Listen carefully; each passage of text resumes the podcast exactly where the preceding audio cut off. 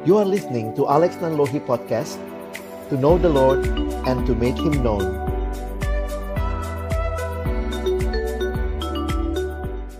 Yuk kita berdoa sebelum kita membaca merenungkan firman Tuhan kami kembali bersyukur kepadamu Tuhan, kesempatan ini Engkau berikan bagi kami, diperlengkapi sekali lagi. Kalau sebentar kami akan membuka firman-Mu, buka juga hati kami. Jadikanlah hati kami seperti tanah yang baik. Supaya ketika benih firman-Mu ditaburkan itu boleh sungguh-sungguh berakar, bertumbuh, dan juga berbuah nyata di dalam hidup kami. Berkati baik hambamu yang menyampaikan, setiap kami yang mendengar, Tuhan tolong kami semua, agar kami bukan hanya jadi pendengar-pendengar firman yang setia, tapi mampukan dengan kuasa dan pertolongan dari rohmu yang kudus, kami dimampukan menjadi pelaku-pelaku firman-Mu di dalam kehidupan kami, dalam masa muda kami. Bersabdalah ya Tuhan, kami anak-anakmu sedia mendengarnya, dalam satu nama yang kudus, nama yang berkuasa, nama Tuhan kami Yesus Kristus kami menyerahkan pemberitaan firman-Mu. Amin. Shalom teman-teman, selamat sore semua. Saya bersyukur buat kesempatan boleh sharing firman Tuhan hari ini dengan teman-teman. Dan ada satu presentasi slide yang akan saya coba bagikan ya. Hari ini kita bicara The Forgotten Vision ini bicara tentang pemuridan dan apa sebenarnya yang menjadi visi daripada pemuridan itu yang juga sering kali terlupakan di dalam kita menjalani uh, proses pemuridan itu. Nah, saya mau kita mulai dengan uh, sharing dulu gitu ya. Uh, kita coba share sebentar. Teman-teman, uh, mungkin biar sederhana dan lebih mudah, saya mengajukan satu pertanyaan dan teman-teman bisa langsung jawab nanti di live chat begitu ya. Di kolom chatnya. Baik. Nah, coba lihat gambar ini baik-baik. Nah, gambar nomor berapa ya? Cuma boleh pilih satu nomor ya.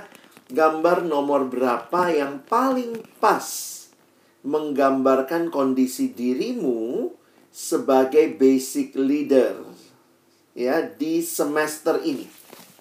Nah, coba teman-teman lihat gambar ini, kamu paling pas dengan yang nomor berapa? Silahkan kalau sudah lihat gambarnya, lihat kondisi dirimu, iya ya, aku nih kayaknya yang ini nih. Silahkan boleh tulis di kolom chat. Silahkan.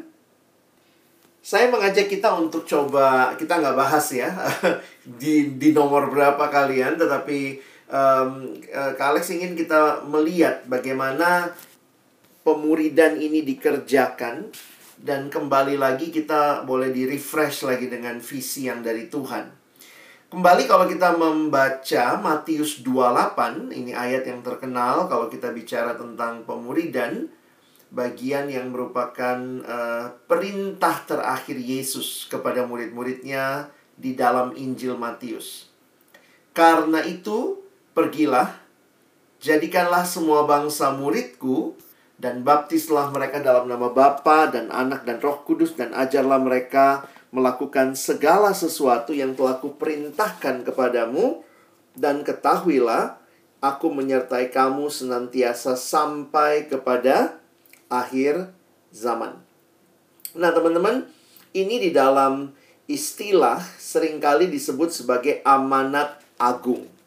Sayangnya memang kalau kita orang Indonesia dengar kata amanat, langsung bayangannya tuh upacara bendera ya. Amanat pembina upacara. Sebenarnya kata amanat sendiri itu berarti perintah.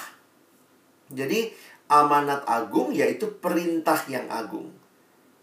Jadi mungkin kalau kita menghayatinya di bahasa Indonesia biasanya kalau amanat pembina upacara tuh istirahat di tempat ya. Jadi kayaknya itu cuma pesan-pesan. Mungkin itu yang beda ya antara amanat dengan amanah ya. Amanah itu mungkin yang petuah, petunjuk, nasihat. Tetapi ini bukan amanah dalam arti itu, ini adalah perintah perintah yang diberikan oleh Tuhan Yesus sendiri Dan perintah ini, sebagaimana kita coba perhatikan ya, kalau kita dengar perintah, biasanya dalam bahasa Indonesia, itu disebut perintah karena ada akhiran lah gitu ya. Nah, kita coba lihat. Ada berapa kata perintah yang muncul di sini. Oke, ya. Karena itu, pertama, pergilah. Oke, yang kedua, jadikanlah. Yang ketiga, baptislah. Yang keempat, ajarlah. Yang kelima, ketahuilah. ya, ketahuilah bukan kata perintah ya. Nah, cuma ada empat kata perintah. Nah, apa yang menarik kalau teman-teman perhatikan, kalau kalian belajar bahasa asli Alkitab Perjanjian Baru, yaitu bahasa Yunani, dari empat kata perintah ini ternyata ada satu kata perintah utama. Jadi sebenarnya tiga kata perintah yang lain itu memberikan keterangan ya, melanjutkan atau menjelaskan apa yang menjadi kata perintah utamanya. Dari empat kata perintah ini, kira-kira yang mana yang jadi kata perintah utama? Nah, karena ini kita lagi bahasnya tentang uh, pemuridan ya. Maka sebenarnya ini juga jadi bagian yang menarik. Kata perintah utamanya itu adalah ini. Jadikanlah bagiku murid dari semua bangsa. Banyak orang berpikir ini kata perintah utamanya pergilah. Tidak. Kalau kalian pelajari struktur gramatikanya, maka kata perintah utamanya adalah jadikanlah murid bagiku. Mungkin lebih tepat begitu urutannya. Karena misalnya dalam bahasa Inggris digunakan istilah make disciples of all nations. Jadikanlah murid bagiku dari semua bangsa.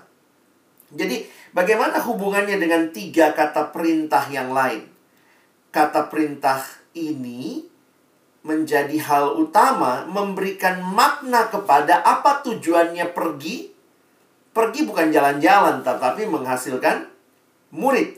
Apa tujuannya membaptis? Menjadikan murid. Apa tujuannya mengajar? Menjadikan murid. Jadi kalau teman-teman perhatikan dengan jelas, kalau ditanya apa perintah terakhir Yesus? Menurut Injil Matius, pergilah Jadikanlah semua bangsa muridku, baptislah mereka dan ajarlah. Jadi menjadikan murid adalah satu hal yang penting di dalam kehidupan orang percaya. Saya harap kita bisa memahami bahwa apa yang teman-teman sedang lakukan terlibat di dalam basic ini, ini adalah sebuah proses pemuridan. Sehingga di dalamnya kita menjunjung tinggi, kita menerima visi dari Allah bahwa Tuhan memanggil untuk kita menjadikan murid bagiku dari semua bangsa. Murid yang seperti apa? Murid dalam Injil banyak sekali keterangan yang disampaikan. Salah satunya adalah di dalam Matius 16. Ya, saya ajak kita lihat Matius 16 ayat 24. Perhatikan ayatnya. Lalu Yesus berkata kepada murid-muridnya, "Setiap orang yang mau mengikut Aku, ia harus menyangkal dirinya, memikul salibnya, dan mengikut Aku." Sangkal diri berkaitan dengan jadi sangkal diri itu bukan berarti begini ya, misalnya saya Alex nih, lalu saya sangkal diri, oh saya bukan Alex, saya bukan Alex, itu bukan sangkal diri, itu lupa diri ya. Apa artinya sangkal diri? Saya bisa berkata tidak kepada apa yang begitu saya inginkan, tetapi saya tahu itu tidak menyenangkan hati Tuhan, sehingga saya berkata tidak kepada keinginan saya dan berkata iya kepada keinginan Tuhan. Murid yang menjadikan keinginan dari Kristus sebagai segala-galanya dalam hidupnya. Itu orang yang menyangkal diri. Orang yang memikul salib adalah orang yang siap bayar harga untuk mengikut Kristus. Dan yang ketiga itu ya, mengikut aku. Sehingga kalimat ini jadi menarik. Jesus doesn't simply call us to believe that he existed or even to believe that he can save us. But he calls on us to commit our whole lives to, to him, to trust him alone for our salvation, and then to follow him as his disciples.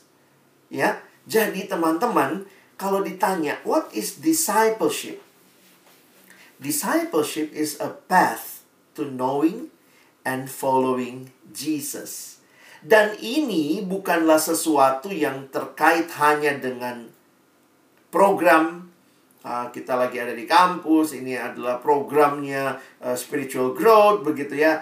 Tetapi kalau kita menghayati pemuridan ini, maka sebenarnya kita harus menghayatinya seperti kalimat yang saya kutip dari Timothy Keller ini. Discipleship is not an option. Jesus says, that if anyone would come after me, he must follow me. Jadi pemuridan itu bukan sebuah pilihan sebenarnya. Karena semua orang yang percaya pada Yesus itu adalah orang yang dipanggil mengikut dia. Nah, kenapa saya mau kita clear dulu tentang apa itu murid? Karena teman-teman terlibat dalam proses pemuridan.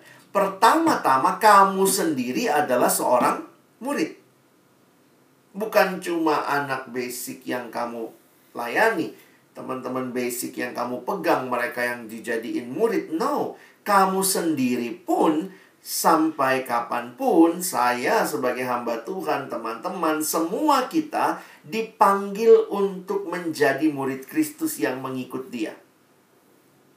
Jadi jangan lupa visi itu ya. Jangan sampai kita uh, tanpa sadar merasa begini, oh saya karena sudah sudah cukup tinggi makanya sekarang saya jadi pemimpin. At the same time, pemimpin maupun yang dipimpin tetap di hadapan Tuhan kita sama-sama murid Kristus. Cuma kita lebih duluan aja.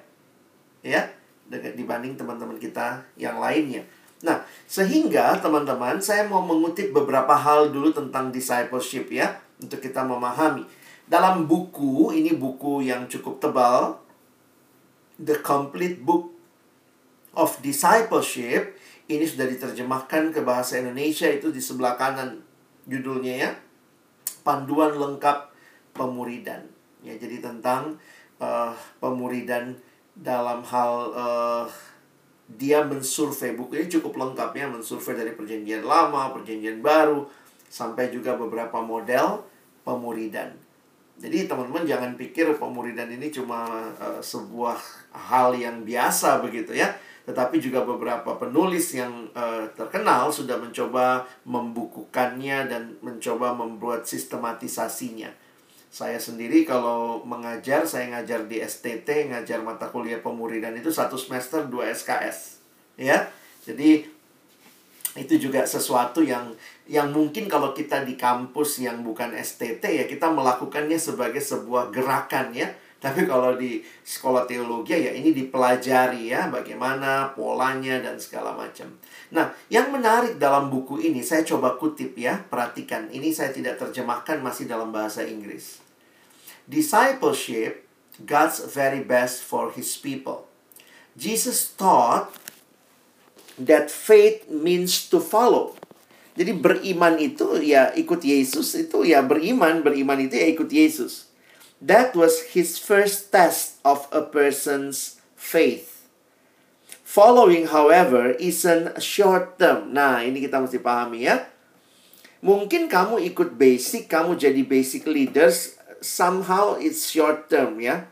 Karena kalian kan nggak selamanya di kampus, nanti lulus jadi alumni, lalu kemudian mungkin pindah kota dan segala macam.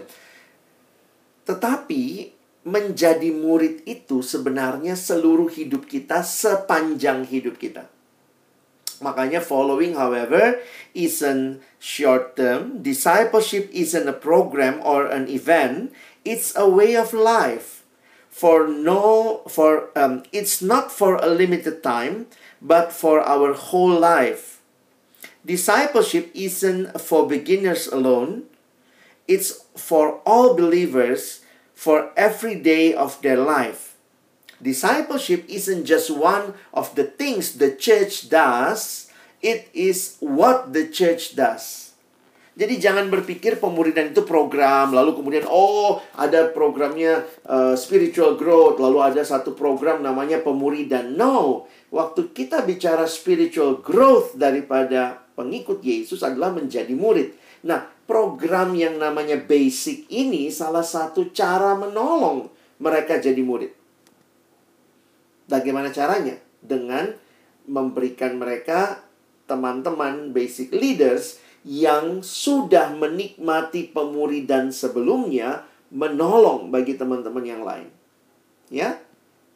Jadi discipleship isn't just one of the things the church does, it is what the church does. It is not just part of the advancement of God's kingdom, the existence of serious disciples is the most important evidence of God's work on earth. Jadi kalau kita lihat bagaimana pekerjaan Allah, lihatlah ketika dalam setiap generasi ada murid.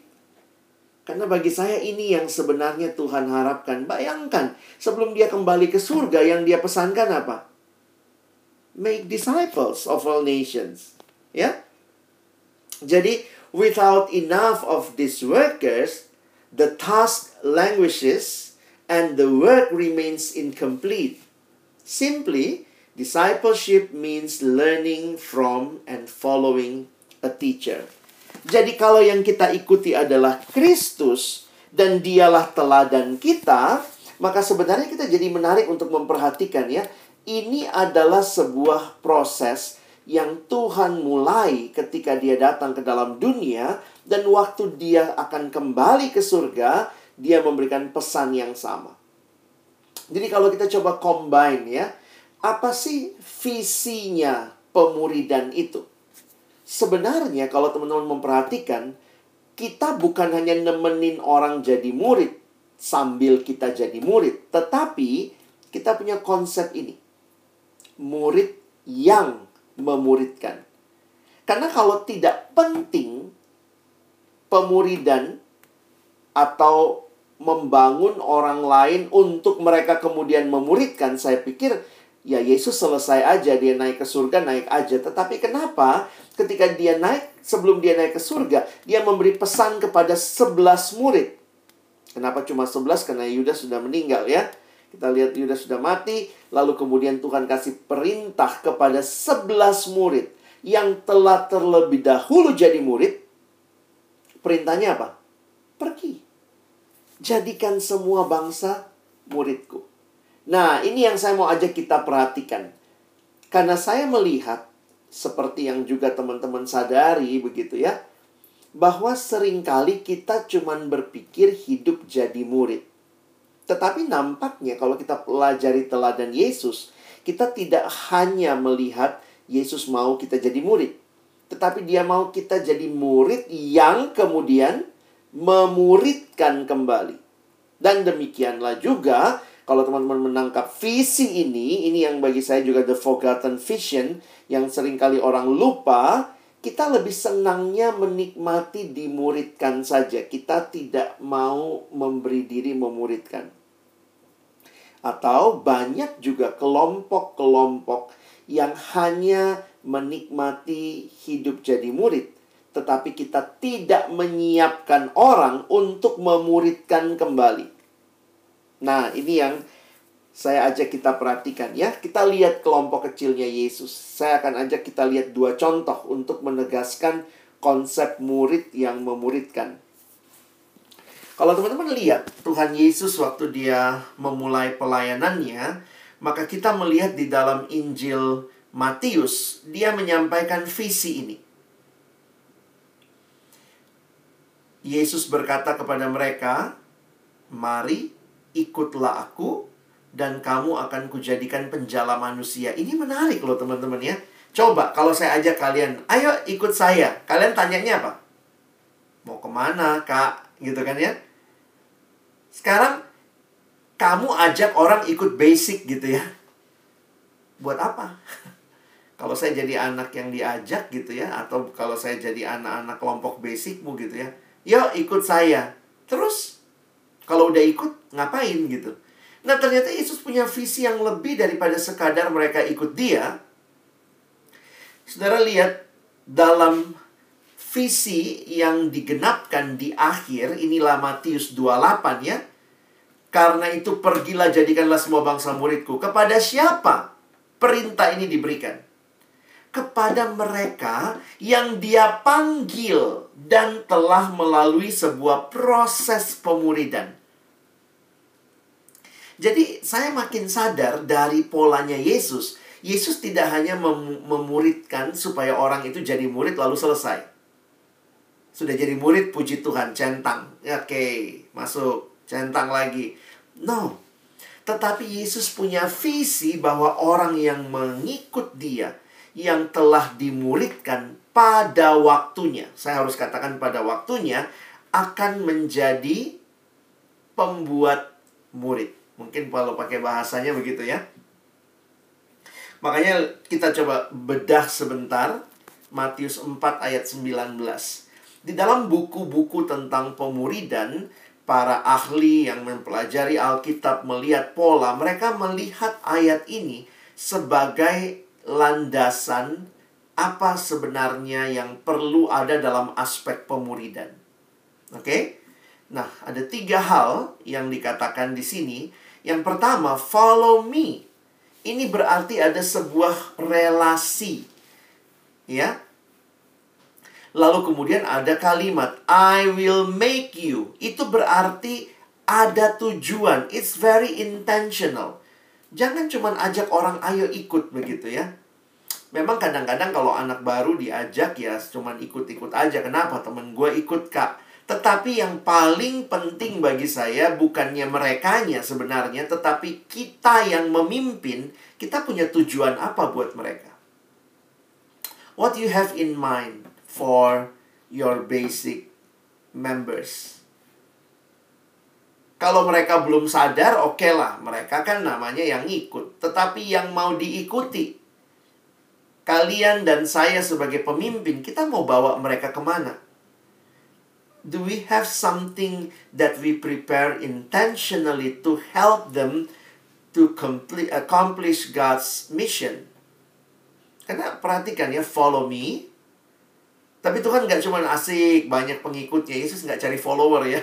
Kita di Instagram cari follower, Yesus nggak cuma cari follower. Tetapi dia punya penghayatan, I will make you. It's very intentional. Ada tujuan dari orang-orang yang dia ajak ikut dia. Dan even is missional. I will make you fishers of men. Nah ini menarik teman-teman ya. Sejak mengerti ini saya jadi sadar gitu ya salah satu kesadaran saya adalah masalah follower. Kadang-kadang kita kalau di Instagram, media sosial pengen banyak follower, tapi jangan lupa loh.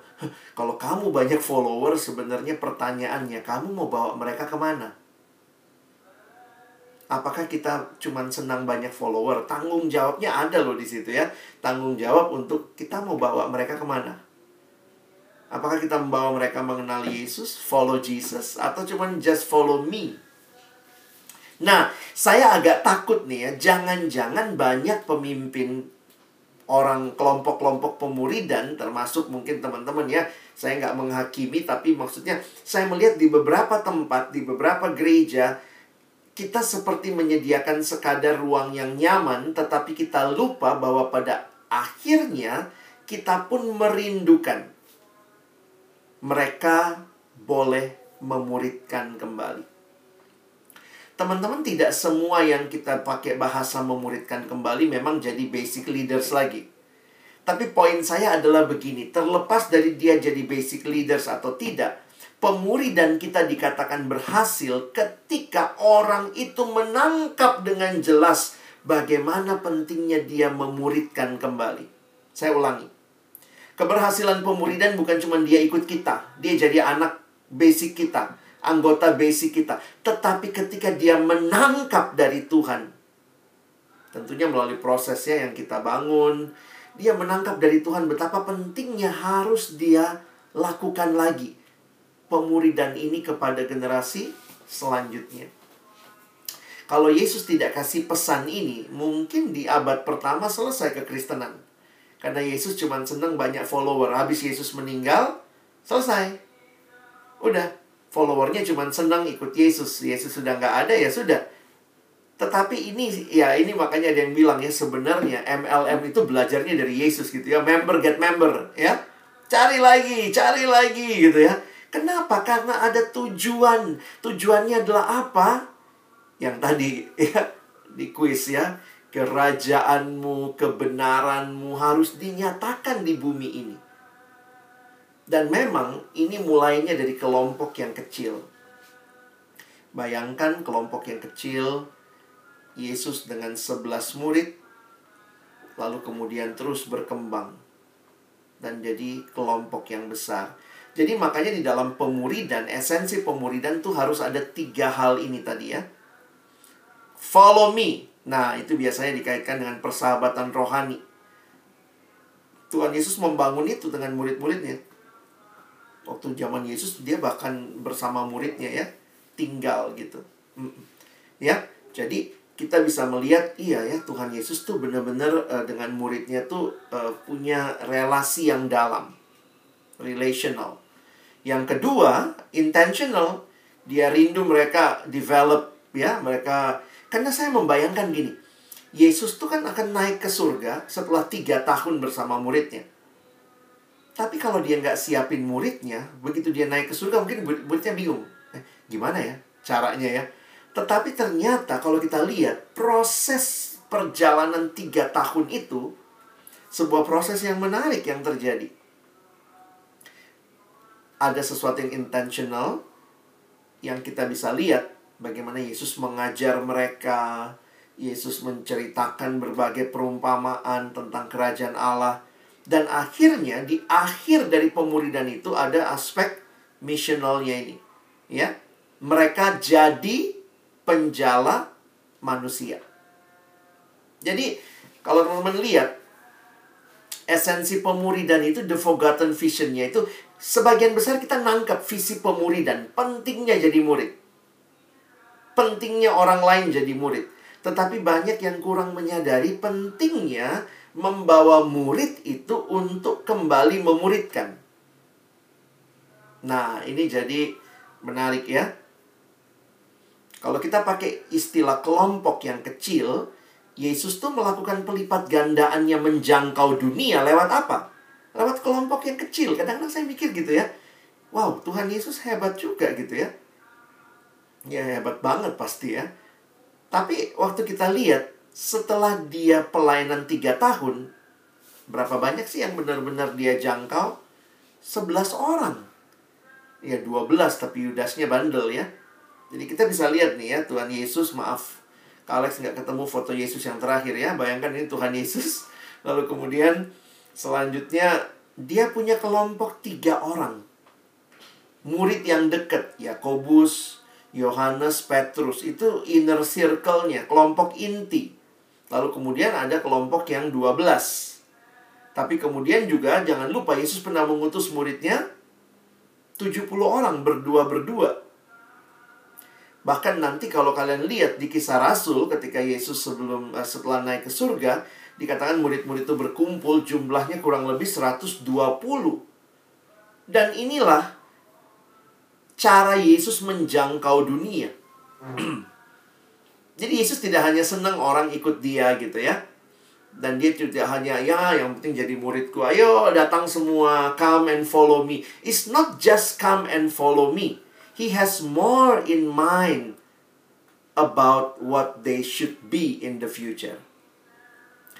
Tapi saya sadar betul ya, mungkin kalau kalian nanya, tapi kak, apakah setiap orang itu akan jadi pemimpin basic lagi gitu? Saya nggak mengatakan dia akan jadi pemimpin basic lagi. Kalau Tuhan berkenan di kampus dia bagus dalam arti dia punya kriteria yang baik segala macam, oke Tuhan bisa pakai dia. Tetapi mungkin saja Tuhan pakai dia bahkan sesudah dari kampus.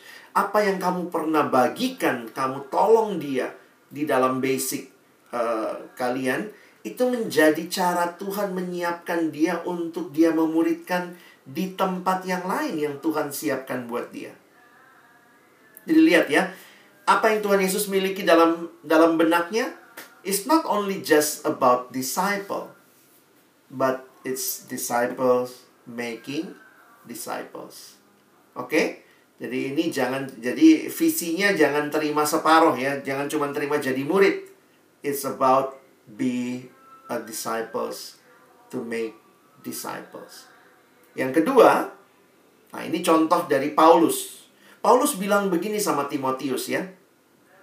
Apa yang telah engkau dengar daripadaku di depan banyak saksi, percayakanlah itu kepada orang yang dapat dipercayai, yang juga dapat dipercayai, yang juga cakap mengajar orang lain. Wow. Paulus have this in mind. Nah, sorry ya, Kak Alex nggak ketemu lagi foto Paulus. Ini ya, Paulus.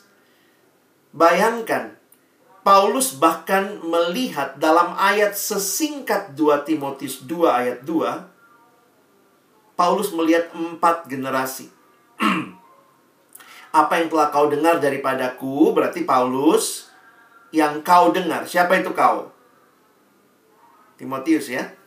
Apa yang kau Timotius dengar daripadaku di depan banyak saksi, percayakanlah itu kepada orang-orang yang dapat dipercayai yang cakap untuk mengajar orang lain. Ayatnya singkat sekali. Sama kayak tadi ya. Matius 4 ayat 19. Tetapi visinya luas banget.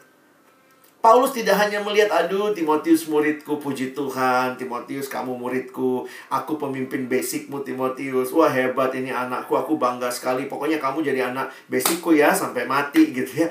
Tetapi yang Paulus lihat bagaimana perlunya Timotius mempersiapkan orang lain yang cakap mengajar, di mana orang yang cakap mengajar itu nanti akan mengajar orang lain, dan kemudian terjadi terus sehingga pelipat gandaan terjadi. Dan karena itu ada sesuatu yang intentional. Ada sesuatu yang disengaja nampaknya. Ya. Jadi kalau kita lihat bagaimana Paulus dan Timotius, saya pikir menarik sekali ya. Ketika Paulus bicara tentang bagaimana dia dan Timotius ada kedekatan yang luar biasa. Tetapi engkau telah mengikuti ajaranku, cara hidupku, pendirianku, imanku, kesabaranku, kasihku, dan ketekunanku. Ada tujuh ku di sini. Bahkan dikatakan engkau telah ikut menderita penganiayaan dan sengsara seperti yang telah kuderita di Antioquia dan di Iconium dan di Listra. Paulus dan Timotius begitu dekat sehingga Timotius bukan hanya melihat ajaran Paulus, tapi Timotius melihat hidup Paulus dan dia bisa melihat dengan jelas bagaimana hidup Paulus itu menjadi teladan bagi dia. Teman-teman, kalian bisa tahu ajaran Kak Alex karena saya ngajar, saya khotbah ya, tapi kalian mungkin tidak bisa lihat apa cara hidupku, pendirianku, orang yang dekat dengan saya, yang sehari-hari bersama saya, atau mungkin orang-orang yang saya muridkan, mereka adalah orang-orang yang melihat secara uh, jangka panjang begitu ya, melihat dan hidup dibagikan. Makanya pemuridan itu sebenarnya membagi hidup. Tetapi waktu hidup dibagikan demi apa? Bukan supaya demi mereka jadi seperti kita, tetapi bagaimana mereka membawa apa yang mereka terima menjadi kehidupan yang dimultiplikasi dalam hidup orang lain. Dan saya melihat, nah nanti teman-teman bisa coba cek ya, mungkin Kak Alex nggak banyak di situnya, tetapi saya coba melihat begini. Perhatikan, Paulus dan Timotius itu, uh, sorry, Paulus dan Yesus gitu ya, it's very intentional. Sangat intentional, dalam arti apa?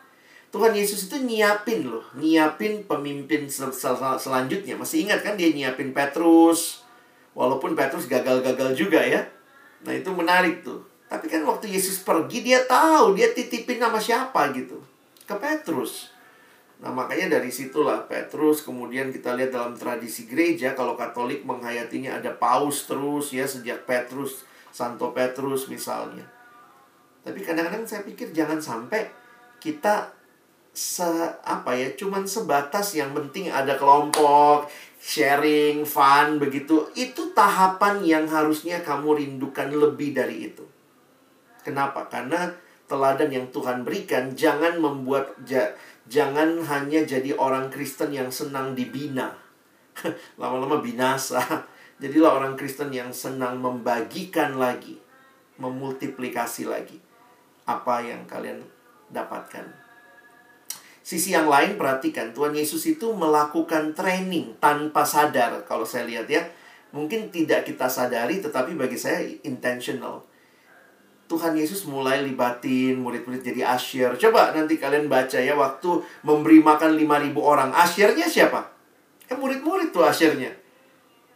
Perhatikan ya setelah Yesus mengucap berkat, membagi-bagikan, dia kasih roti itu kepada murid-muridnya untuk membagikan kepada orang banyak. Lalu kemudian murid-muridnya disuruh kumpul lagi. Itu namanya orang yang melatih orang untuk melanjutkan pelayanan. Ingat, kita bukan superhero pelayanan. Tuhan Yesus tidak jadi superhero, akulah segala-galanya. Kalau aku pergi, nggak ada yang bisa lanjutin. No. Tuhan Yesus jelas sekali menyiapkan, melibatkan. Sebagaimana prinsip regenerasi dalam pelayanan. Ini pun prinsip regenerasi dalam pemuridan. Kalau pemimpin saya melakukan, kamu lihat. Saya melakukan, kamu bantu. Kamu melakukan, saya bantu. Kamu melakukan, saya lihat. Mungkin kalau kita yang Kristen ini kan prinsip di mentoring umum ya. Prinsipnya adalah kamu melakukan, saya lihat dan doakan. Gitu kali ya. Kalau saya melakukan, kamu lihat dan doakan gitu ya. Tentu ada doa di sepanjang proses ini. Jadi saya sendiri waktu saya juga menyadari hal ini, uh, saya bersyukur gitu ya ketika ada di kampus, saya juga disiapkan oleh pemimpin kelompok saya.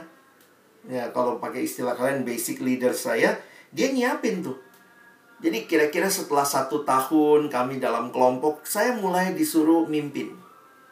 Nah, jadi bayangkan tadinya kita kelompok yang saya yang mimpin, eh dia yang mimpin ya. Tapi kemudian dia mulai percayakan, Alex, kamu udah belajar kan gimana PA? Nah, minggu depan kamu coba mimpin ya. Aduh kak, aduh kak, saya nggak, saya masih belum berani. Eh nggak apa-apa, saya bantuin persiapannya. Aduh kak, aduh kak, nggak ini loh. Terus kamu, oh ya udah, ya udah. Kamu minggu depan liatin saya ya liatin saya mimpin. Nah, kamu lihat dulu. Nanti minggu depannya kamu yang mimpin. Wah, sejak itulah. Jadi saya tuh ter, tertarik datang e, kelompok. Salah satunya karena saya dilibatkan. Seringkali kan kadang-kadang orang malas datang kelompok karena ya ampun, nih Cici Koko ngomong dia terus. Kita cuma dengerin aja. Uh, udah Ciko ya. Kita nggak ngelibatin orang. Itu kayak kelompok kita ngomong, yang lain denger gitu ya. Nah, jadi itu yang saya harus ingatkan. Kita mesti punya persiapan yang intentional. Saya dari awal, mungkin kira-kira cuma 3-4 pertemuan awal itu uh, saya uh, dipimpin. Sesudah itu ya pemimpin saya cukup kreatif ya. Jadi tiap kali datang uh, minggu depan kita akan bahas ini ya. Alex pilih lagu ya. Jadi lagu saya yang pilih. Terus teman saya, kamu minggu depan cari pokok doa gitu. Jadi dari awal tuh kita terlibat sehingga waktu saya jadi pemimpin kelompok saya udah tahu nih polanya. Saya udah disiapin. Saya udah pernah mimpin jadi bukannya benar-benar baru mimpin waktu itu. Saya pernah mimpin terus kemudian dibantu pemimpin saya. Jadi waktu saya mimpin dia lihat. Nanti habis itu saya tanya tadi gimana? Kak sorry ya aku tadi nggak terlalu ini gitu ya. Ya nggak apa-apa gitu ya. Dia encourage lagi. Jadi sebenarnya kalau kita perhatikan Tuhan Yesus maupun Paulus benar-benar bukan hanya memuridkan, tapi menyiapkan orang selanjutnya untuk dia pun memuridkan kembali. Nah, kiranya pemahaman ini teman-teman tangkap dan kalian coba pikirin ya. Pelajari pola Yesus. Kadang-kadang polanya gimana? Ajak bareng gitu. Saya ingat ya kalau mungkin nanti tanya sama Karima, kita punya waktu jadi waktu saya mulai pelayanan adik-adik basic saya itu kalau saya pas pelayanan saya ajak tuh ya. Kadang-kadang mereka uh, kesaksian pujian. Dulu kan saya masih khotbahnya keliling-keliling sekolah di Jakarta gitu ya. Nah pernah satu kali kita datang ke sebuah sekolah adik-adik basic saya ikutan saya ajak gitu. Ayo lihat lihat apa itu pelayanan lihat bagaimana saya melayani. Lalu kemudian kita ngapain? Ya udah kamu isi pujian begitu ya dan akhirnya itu jadi satu kesempatan bisa share banyak hal. Karena tidak semua itu terjadi hanya di kelompok yang formal. Tapi hidup itu dibagikan ketika apa? Ketika makan sama-sama ketika jalan-jalan di mall bareng gitu ya. Nah, memang situasi pandemi akan lebih sulit, tetapi saya pikir kita bisa kreatif lah menyiapkan orang-orang yang kita layani pada waktunya dia siap memultiplikasi dan memimpin lagi. Baik, saya berhenti sampai sini. Silakan kalau ada yang mungkin ingin ditanyakan, saya persilahkan.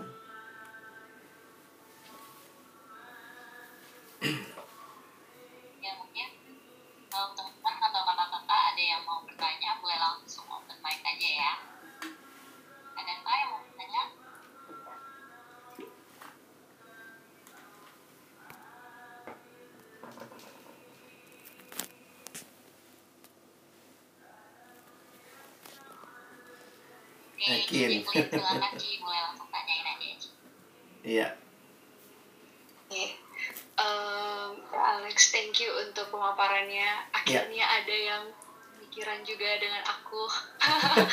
Karena selama ini maksudnya kayak apa ya em, terpaku banget gitu loh kalau visinya ya udah aku harus jadi murid gitu kan. Kayak kayak dari dulu aku pikir kayak harusnya lebih dari itu nggak sih kayak gitu. Hmm. Anyway, em, karena Kak Alex bawain materi ini juga, em, aku pengen tanya sih menurut Kak Alex seberapa em, seberapa signifikan atau mungkin seberapa perlu kita tuh em, memang dari awal udah share visi kita gitu jadi bukan bukan ketika kita udah dapet oke em, untuk kelompok Ciekin ini ya anak-anaknya gitu. Terus ya udah oke guys kita minggu depan udah ketemu ya buat MHB gitu. Nah apakah maksudnya menurut Kak Alex Hmm. lebih pentingnya itu langsung di dari awal nggak sih? Hmm. soalnya aku pernah sebenarnya pernah coba bilang dari awal. Dan itu sebenarnya bener-bener bikin orang-orang di dalam kelompok aku tuh lebih aware gitu. Kayak oh maksudnya kayak ada something yang kita akan reach gitu. Hmm, bukan reach kayak ya, tuju lah gitu bukan hanya sekedar kita belajar terus gitu setiap minggu. Kalau menurut Kak Alex Hmm. Saya setujunya, Ekin ya, maksudnya kayak eh, saya setujunya itu dikasih tahu dari awal, tetapi dengan cara yang ya sebagaimana karena begini memang ya kita mesti menyadari juga psikologinya orang baru dibina tiba-tiba langsung dikasih tahu kamu bakal jadi pemimpin basic selanjutnya. Ya mungkin cara memberitahunya misalnya eh, ya ikut basic gitu. Ih kalau kamu udah nikmatin basic ini aku waktu itu nikmatin 2 tahun. Wah aku disiapin jadi pemimpin. Nah mungkin satu waktu nanti kamu juga harusnya punya beban memimpin. Tetapi itu dalam perjalanan harus kita siapkan.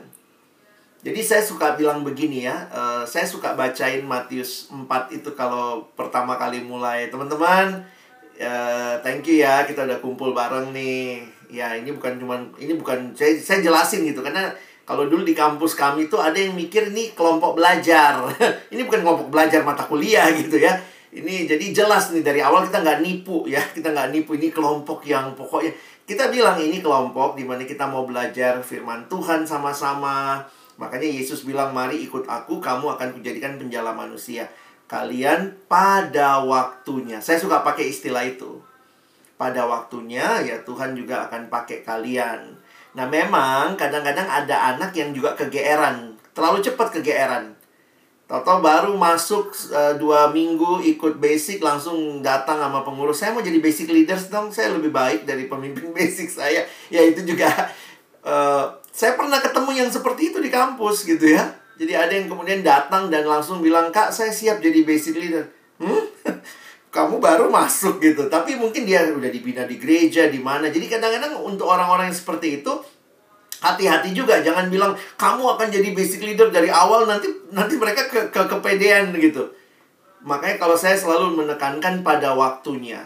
Dan ada proses. Dan kemudian kalau di kampus kita ada tahapan kan. Walaupun jadi walaupun kamu banyak banget ayat kamu hafal tapi mungkin tahapannya itu kamu sekarang jadi anggota dulu nah itu juga melatih orang itu apakah dia sungguh rendah hati atau tidak Jangan-jangan dia cuma mau mimpin karena dia sombong begitu. Tapi saya saya satu keyakinan lah sama yakin ya bahwa sebaiknya dikasih tahu lah supaya kita jelas juga dan kita sendiri juga apa ya punya Ya, bukannya berarti kita pasti berhasil ya. Saya harus ingatkan Tuhan Yesus saja gagal satu ya. Jadi kalau kita gagal dua tiga ya puji Tuhan lah ya. Poinnya bukannya kita kita berharap gagal, tetapi kita tuh menolong kita punya tujuan. Dan saya juga jujur harus ingatkan kadang-kadang tujuannya itu bukan yang saya bilang tadi. Bukan sekadar jadi basic leaders lagi. Karena beberapa orang itu waktu selesai di kampus pun dia sebenarnya masih belum qualified jadi basic leaders. Tetapi ternyata perjalanan rohaninya kan belum selesai. Waktu dia masuk ke gereja, gile, dia bersinar di situ, malah di situ mungkin dia berkarya lebih jauh. Di pekerjaan, ternyata dia jadi orang yang menginisiasi persekutuan di kantornya. Saya ketemu beberapa orang yang seperti itu. Jadi akhirnya saya pikir gini, pokoknya kita selalu punya kerinduan melatih orang untuk melayani kembali. Jadi jangan memberikan kesan kamu yang penting dilayani, dilayani, dilayani, jangan. Berikan uh, apa ya? Siapkan bahwa satu waktu nanti kamu akan melayani. Dan itu persiapan ini yang kamu dapat selama basic ini. Makanya kalau kalian pakai MHB juga ada bab kan tentang penata layan begitu ya. Itu kan menolong kita juga untuk menggunakan our resources for God. Mungkin itu kali ya. Kan?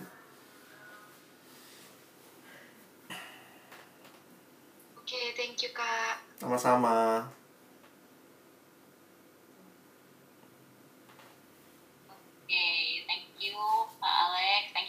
Ekin atas pertanyaannya. Mungkin ada yang mau bertanya lagi?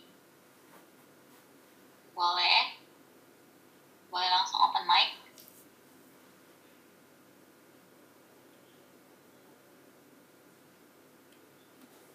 Langsung tanya. Uh, katanya sebenarnya cuman uh, terima kasih banyak yeah. Hari ini tuh benar-benar diteguhkan dan uh, sedang mengalami pergumulan juga tentang hal itu uh, baik di basic ataupun di uh, pemuritan-pemuritan yang lain. Tapi hmm. sangat bersyukur sekali untuk uh, undangan hari ini. Terima kasih Kak Abi. Pokoknya uh, kayak jawaban dari Tuhan sih Pak. Terima kasih untuk peneguhannya. Thank you. Uh, Oke, kita langsung next ke pertanyaannya ya. Untuk ini Pak ada yang anonymous yeah. pertanyaannya. Jadi pertanyaannya seperti ini, kalau misalnya anak basic kita menolak saat kita minta mereka untuk coba mimpin kelompok basic, bagaimana ya Kak? Padahal udah satu tahun jalani basic bareng-bareng. Iya, semua orang punya tahap pertumbuhan ya. Kadang-kadang kita mesti sabar kali ya saya suka mikir gitu ya sama kayak orang tua gitu ngadepin anak yang tumbuh gigi males makan. Itu gimana nolongnya ya? Itu nggak ada teorinya teman-teman ya. Kadang-kadang memang ya udah hanya kasih dia. Ada satu kutipan bilang begini uh, ada orang-orang yang mungkin belum siap diajari.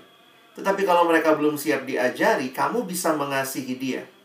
Dan ketika kamu mengasihi dia terus-menerus mungkin satu waktu dia akan siap diajarin kadang-kadang kita cuma uh, ya yang ada di benak kita ya kita mesti balance ya. Kita mesti balance bagaimana kerinduan untuk menolong sama ya juga tidak memaksa tetapi mendorong. Nah itu seni ya seni.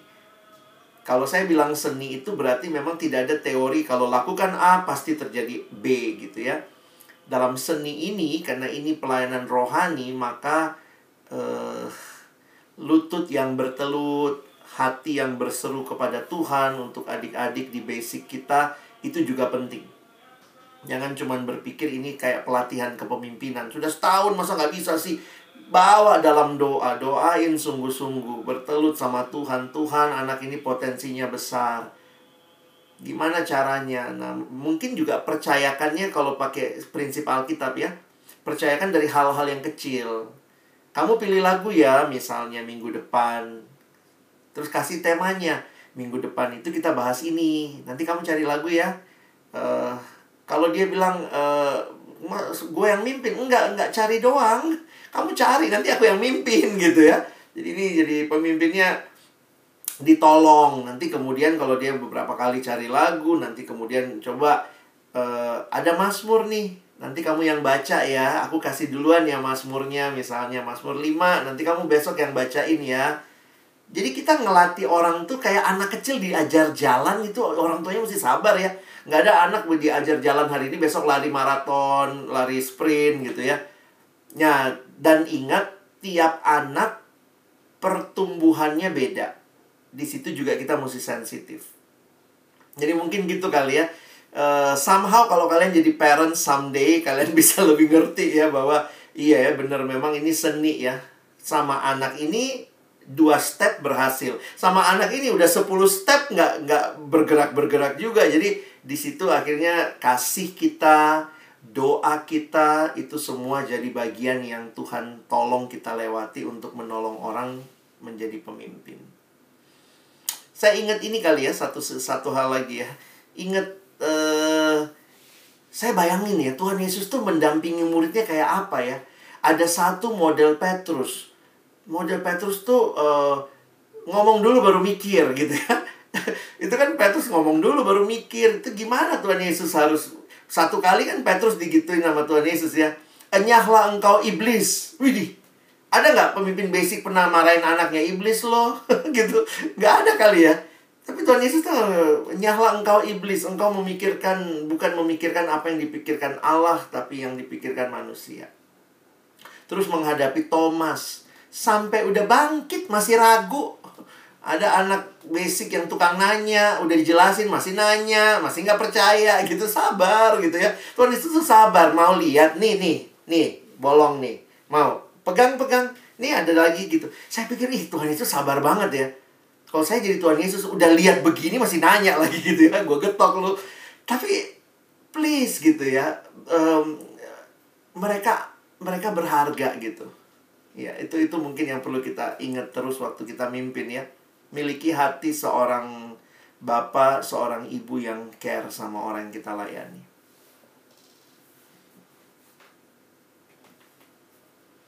Oke, ya, thank you Pak Alex. Uh, mungkin aku ada pertanyaan uh, lanjutan kali ya, ya Pak. Silakan. Mungkin uh, sebelum aku pertanyaan lanjutan, mungkin ada teman-teman yang masih mau tanya.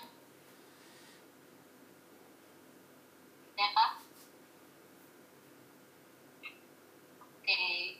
um, um, udah nggak ada ya berarti ini pertanyaan terakhir pertanyaan lanjutan dari saya ya pak iya, jadi siap. kan uh, tadi bapak bilang kita harus benar kayak uh, bimbingnya itu kayak bayi gitu misalnya mungkin uh, ya pimpin pujian atau doa gitu nah uh, cuma kan di sini kan konteksnya itu kan pemuritan pak jadi hmm. mungkin ya mungkin kalau pemuritan itu kan kalau dalam konteks generalnya mungkin biasanya jadi basic leader gitu ya. Nah, gimana kalau misalnya um, misalnya anak basic kita itu mungkin passionnya dia nggak di pemuritan gitu pak. Hmm, misalnya hmm. di bidang, let's say misalnya pelayanan lain seperti mungkin um, praise and worship gitu. Nah, apakah itu tetap termasuk dalam uh, pemuridan gitu ya? Termasuk dalam amanat agung? Hmm.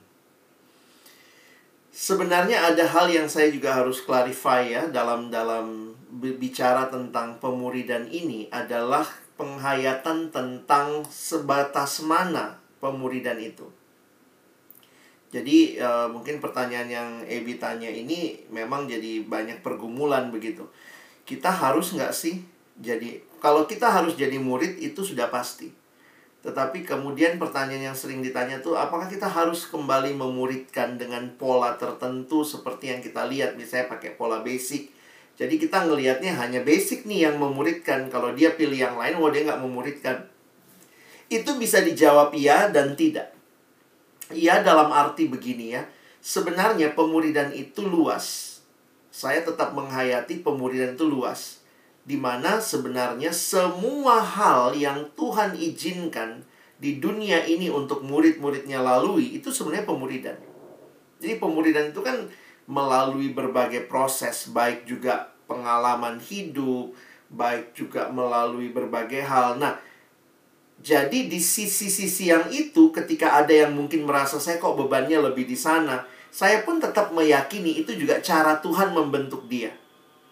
Ya. Jadi secara luas pemuridan itu jangan dibatasi hanya kelompok basic inilah pemuridan. Harus dilihat ini luas.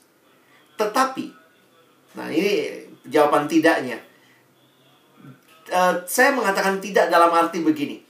kalaupun kita bicara semua pemuridan, tetapi kita tidak punya sebuah pola yang cukup pas untuk meng-create leaders, saya pikir kita juga miss the point. Uh, saya kasih contoh begini. Beberapa orang merasa nggak usahlah kuliah, belajar di YouTube juga bisa. Benar nggak? Ngapain sih kuliah? Mau kulineri? Banyak di YouTube. Mau belajar apa? Ilmu gizi? Banyak. Dokter-dokter, apalagi webinar, kita dengerin aja webinar semua. Jadi ada yang merasa uh, semua ilmu, di mana-mana ilmu. Tetapi tetap ada ada yang namanya kuliah, ada yang namanya universitas untuk membentuk orang yang bisa di certified gitu loh. Kamu sarjana gitu. Bikin skripsi nih. Bukan cuma nonton YouTube lalu kemudian udah jadi sarjana YouTube, nggak bisa ada proses yang lebih intentional yang dimasukkan dalam sebuah proses. Nah, sehingga saya melihat gitu ya. Sisi lain jangan tutup mata bahwa yang kuliah pasti lebih pintar dari yang dengar YouTube. Ada juga loh orang-orang yang nggak kuliah seperti siapa? Andreas Hareva misalnya, dia tulis buku kan, pembelajar seumur hidup. Tetapi kita tidak bisa tutup kalau begitu. Kalau semua orang bisa belajar dari mana saja, ya sudah tutuplah universitas. Nggak bisa begitu juga. Jadi memang ketegangannya ada nih antara semua pemuridan dan hanya ini pemuridan. Nah, karena itu saya harus ingatkan ketika kita memuridkan dalam sebuah struktur yang lebih intensional seperti ini, saya pikir ini salah satu cara yang tepat untuk membentuk pemimpin. Makanya kalau kita perhatikan Tuhan Yesus tuh ngajarnya 5000 orang itu diajarin untuk jadi apa sih? Masih ingat gak Yesus kasih makan 5000 orang? Sebelumnya kan dia ngajar. Habis dia ngajar orang kelaparan karena udah sore. Hebat juga Yesus ya, waktu dia ngajar orang sampai lupa makan ya. Kalau kita ngajar sekarang orang sampai mikir kapan lu berhenti ya, gue mau makan nih gitu ya. Nah, tapi lihat ya, waktu dia ngajar 5000 orang, tujuannya apa? Untuk mereka jadi murid. Tetapi dia tetap melihat pemuridan itu perlu ada yang memimpin lebih intentional sehingga selama Yesus ada di dunia dalam tiga tahun, dia hanya fokus kepada 12 orang. Nah, itu jadi gimana tuh ketegangannya? Jangan tutup bahwa hanya ini, tetapi juga ini cara yang efektif yang Tuhan teladankan dan Tuhan pakai. Jadi, uh, mungkin gambarannya adalah tidak semua orang akan ikut basic tetapi uh, dan mereka tetap bisa jadi murid tetapi untuk uh, kehadiran basic ini dipakai Tuhan dengan efektif mencetak murid yang lebih terstruktur yang akan kemudian memuridkan lebih banyak orang sehingga kalau dua-duanya digabung yang sempat ikut basic yang nggak sempat ikut basic sebenarnya gereja Tuhan diperkaya dengan murid-murid yang dihasilkan dengan dua jalur ini. Nah, harusnya ini saling melengkapi, tidak saling meniadakan sih. Nah, itu agak filosofis saya jawabnya ya, tapi kira-kira gambaran saya soal universitas dan bisa belajar di YouTube. Jadi jangan pikir, karena ada universitas tutup, YouTube nggak boleh ada. Semua yang mau belajar hanya belajar di universitas. Atau sebaliknya, karena ada universitas, eh, apa karena ada YouTube, universitas sudah tutup, nggak, nggak begitu juga. Kita mesti cari titik temunya dan saya melihat uh, tetap ya pemimpin-pemimpin yang dihasilkan lebih struktural, intensional, ada kurikulum, nah itu akan menolong untuk gereja Tuhan. Mungkin begitu. Oh, oke okay, Pak, thank you banget Pak itu betul-betul jelas sekali ya. jelas banget dan memberikan juga gitu ya. ya. Oke, okay. terima kasih banyak Pak Alex untuk hari ini materinya betul-betul memberkati kita semua pastinya